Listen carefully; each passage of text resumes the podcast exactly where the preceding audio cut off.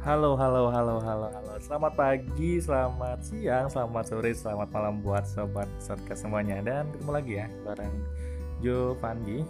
Kali ini Jo punya satu tema serta satu topik yang cukup menarik nih ya mungkin buat sobat podcast semuanya. Karena sekarang ini banyak sekali aplikasi jodoh online ya mulai dari Tantan dan lain sebagainya. Jujur juga tahu aplikasi apa saja yang ada tentang pacar online ya. Ya intinya pacar online gitu ya. Tapi sahabat Alja, sahabat podcast ya, sahabat podcast. ada beberapa hal yang perlu kamu perhatikan sebelum mantap kencan ya ataupun ketemuan dengan seseorang dari dunia maya. Nah, apa aja itu? Ya, kita simak. Jadi, sobat, Kemajuan teknologi ini memang memungkinkan kamu berkenalan dengan siapa pun dari belahan bumi mana pun dari Indonesia wilayah barat, wilayah tengah ataupun bahkan Indonesia wilayah timur. Di satu sisi, hal ini memberikan keuntungan, ya nggak sih, untuk menambah lingkaran pertemanan kamu sobat. Namun di sisi lainnya ini ada kalanya kamu perlu berhati-hati. Kenapa? perlu berhati-hati. Kenapa? Ya lampu penting lagi deh. Karena kita ini tidak akan bisa sepenuhnya memahami bagaimana karakter orang hanya dengan jejak digital. Ya nggak sih sobat? Dan bagaimanapun perlakuannya padamu lewat dunia maya. Karena kita nggak tahu mungkin dia di dunia maya menggunakan foto orang lain atau mungkin di dunia maya dia mencoba jaim ataupun jaga image kan kita nggak tahu. Nah bertemu orang melalui dunia maya juga nggak bisa dipungkiri ini bisa memperluas kesempatan sobat untuk mendapatkan tambatan hati terutama buat kamu yang udah jomblo lama nih. Tapi sobat pun perlu tahu bahwa nggak semua hal di dunia maya ini bisa kamu bawa serius. Ya jangan terlalu serius. Meski sudah banyak yang berhasil menemukan jodoh mereka dengan dimediasi ataupun dengan dicomblangi melalui media sosial dan aplikasi kencan daring. Iya nggak sih? Nah sedikit juga mungkin yang gagal dan merasa tertipu ya jujur rasa sih lebih banyak yang gagal ya dibanding yang berhasil. Mungkin persentasenya 20 yang berhasil 80 yang gagal. Bahkan beberapa kasus ini justru menghantarkan seseorang jadi korban kriminalitas. Kita tahu beberapa tahun belakangan ya mulai dari Facebook kemudian Instagram yang berawal dari Messenger berawal dari DM lalu ketemuan dan ternyata apa? Ternyata dibawa lari ternyata apalagi ya pokoknya berhubungan dengan hal-hal negatif ya nggak sih?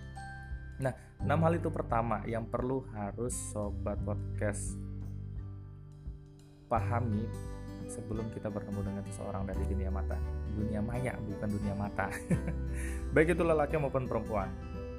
Yang pertama nih pastikan dulu bahwasanya sobat benar-benar ingin menemuinya secara langsung tanpa adanya paksaan dari pihak mana pun. Nah itu gimana Jo? nah jadi ya sobat percayailah firasatmu jika benar-benar sudah ingin menemui seseorang yang sobat kenal lewat dunia maya, kamu harus mantap jangan sampai ada perasaan nggak enak atau mungkin paksaan dari pihak lain untuk saling bertemu. Misalnya ada temanmu eh Andi coba temuin aja tuh kan dari fotonya cantik dan kayaknya dari bahasa chatnya juga termasuk orang baik. Nah itu mending jangan kalau ada paksaan. Tapi dari hatimu dulu dari hatimu ya kalau ngomong hati.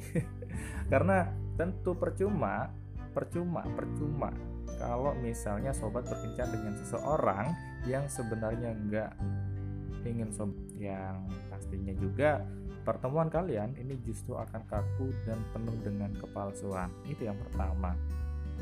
Sepakat ya? Pokoknya harus sepakat. Kalau nggak sepakat jangan cem kemudian yang kedua cek lagi. Cek lagi. Apanya yang dicek? Obrolan kalian. Jadi obrolan kalian lewat chatting sudah nyambung nggak? Nah itu yang paling penting lalu menemui orang yang obrolannya sama sekali nggak kamu ngerti ini juga bakalan bikin mood kamu berantakan bikin kamu keki bikin kamu mati personal ya mati personal jadi sifatmu kemudian kebiasaanmu itu mati total kalau misalnya memang sobat semuanya bertemu secara langsung. Jadi pikirkanlah kembali setelah bertatap muka tentunya sobat pun membutuhkan intermezzo untuk memecah kecanggungan. Kalau misal di antara kalian dari awal sudah nggak nyambung, misalnya chatnya hanya hai dibalas hai lagi, lagi apa? Makan. Ataupun ya kayak percakapan satu arah, nah itu tentunya ini akan susah banget menghadapi situasi canggung saat pertama kali bertemu. Dan itu gue rasakan juga karena ini adalah bisa on tour ataupun kisah nyata ya kisah nyata dan pastikan juga kalau misalnya sobat saling nyaman dalam berbicara dan mengungkapkan perasaannya. Itu yang kedua. Lalu yang ketiga adalah ketahui persis beberapa akun media sosialnya. Jangan cuma satu ingat jangan cuma satu. Dan dari sini sobat bisa mengira-ngira bagaimana karakternya dan lingkungan pertemanannya. Iya nggak sih? Mungkin dia di Instagram sebagai pansos dia di Twitter sebagai sobat miskinnya di Facebook sebagai untuk mencari empati kan terkadang orang itu berbeda-beda di tiap medsosnya tipe karakternya Ju yakin itu, Ju yakin itu pasti tiap orang berbeda-beda sesuai dengan kebutuhannya. Karena rata-rata ya orang yang menggunakan contoh orang menggunakan Twitter itu rata-rata orang yang curhat. Percayalah, percayalah. Karena di Twitter kita sedikit berteman dengan orang-orang nyata di dalam kehidupan kita sedikit banget. Karena di situ adalah luapan emosi kita. Sedangkan di Instagram kadang kita adalah untuk memamerkan diri lebih tepatnya memamerkan diri atau menyombongkan diri lah bahasa kasarnya. Namun tidak demikian namun tidak demikian. Karena Instagram seharusnya ini memberikan momen ataupun membagikan momen yang kita lalui tapi ya rata-rata momen yang dibagikan adalah momen senang-senang momen foya-foya momen happy-happy dan lain sebagainya. Tapi kalau di Facebook ini ajang untuk mendapatkan perhatian. Kalau Facebook ya karena Facebook kan sifatnya global dan juga memang lebih lama kita kenal dibandingkan dengan Instagram atau Twitter ataupun media sosial lainnya ya sih. Nah itu. Jadi kita perlu ketahui beberapa media sosialnya. Jangan cuma satu jangan cuma satu. Itu penekanannya. Dan yang keempat yang keempatnya jangan berharap terlalu jauh dulu pada hubungan yang serius. Tentunya sobat dan juga si doi yang ingin sobat temui itu butuh waktu untuk memantapkan lagi semua itu. Jadi, bagaimanapun hubungan yang sedang kalian jalani ya sobat ya, ini belum benar-benar jadi hubungan yang nyata ya, tanda kutip. Jadi setelah bertemu lalu berkenalan cukup jauh nantinya barulah kamu memiliki yang namanya indikator-indikator penilaian lebih banyak lagi ya jangan buru-buru lah berharap pada hubungan yang serius dengan orang yang kamu temui di dunia maya.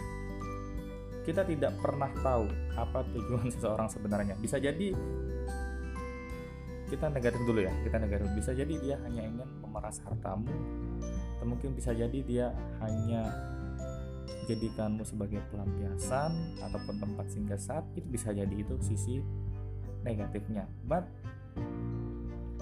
sisi positifnya ada juga sisi positifnya mungkin dia ingin berkenalan ingin berteman ingin memiliki jaringan pertemanan yang lebih luas atau mungkin bisa bahkan menjadi suatu pasangan hidup. Dan ya pada intinya persiapkan dirimu untuk semua kemungkinan itu. Bisa jadi kemungkinan positif dan bisa jadi kemungkinan negatif yang Jo kasih tahu tadi.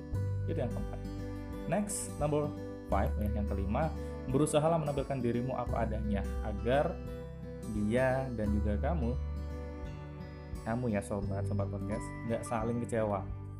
Jadi ada baiknya gambarkan dirimu dengan apa adanya pada siapa pun yang kamu temui di dunia maya. Jangan kayak di Instagram pansos foto pamer di depan mobil eh mobilnya mobil orang. Jangan. Jangan seperti itu karena itu membuat malu. Malu kehidupan nyatamu sendiri. Dan kamu juga tak perlu lagu untuk menanyakan apakah ada orang yang sedang berkomunikasi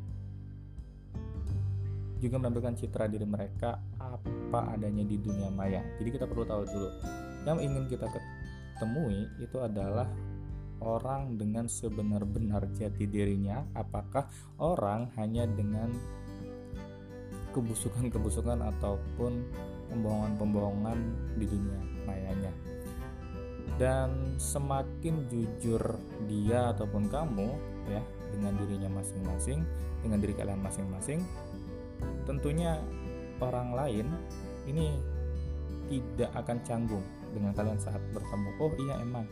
Si Andi penampilannya emang ganteng. Cuman dia motornya memang benar pakai motor butut. Sementara satunya eh si Budi. Uh dia nggak salah-salah foto di Instagram pakai mobil pakai jas pakai sepatu pokoknya hype habis ya ternyata pas ketemu dia hanya orang biasa dan semua barangnya dari pinjaman ini kan bisa menjadi bisa membuatmu kena sanksi sosial sih lebih tepatnya ya. Iya kena sanksi sosial. Ya pokoknya seperti itu. Karena sudah tidak ada lagi ekspektasi berlebihan dari masing-masing pihak. Pokoknya ya tampil apa adanya lah. Ya kalau memang ingin bertemu dengan seorang dari dunia maya.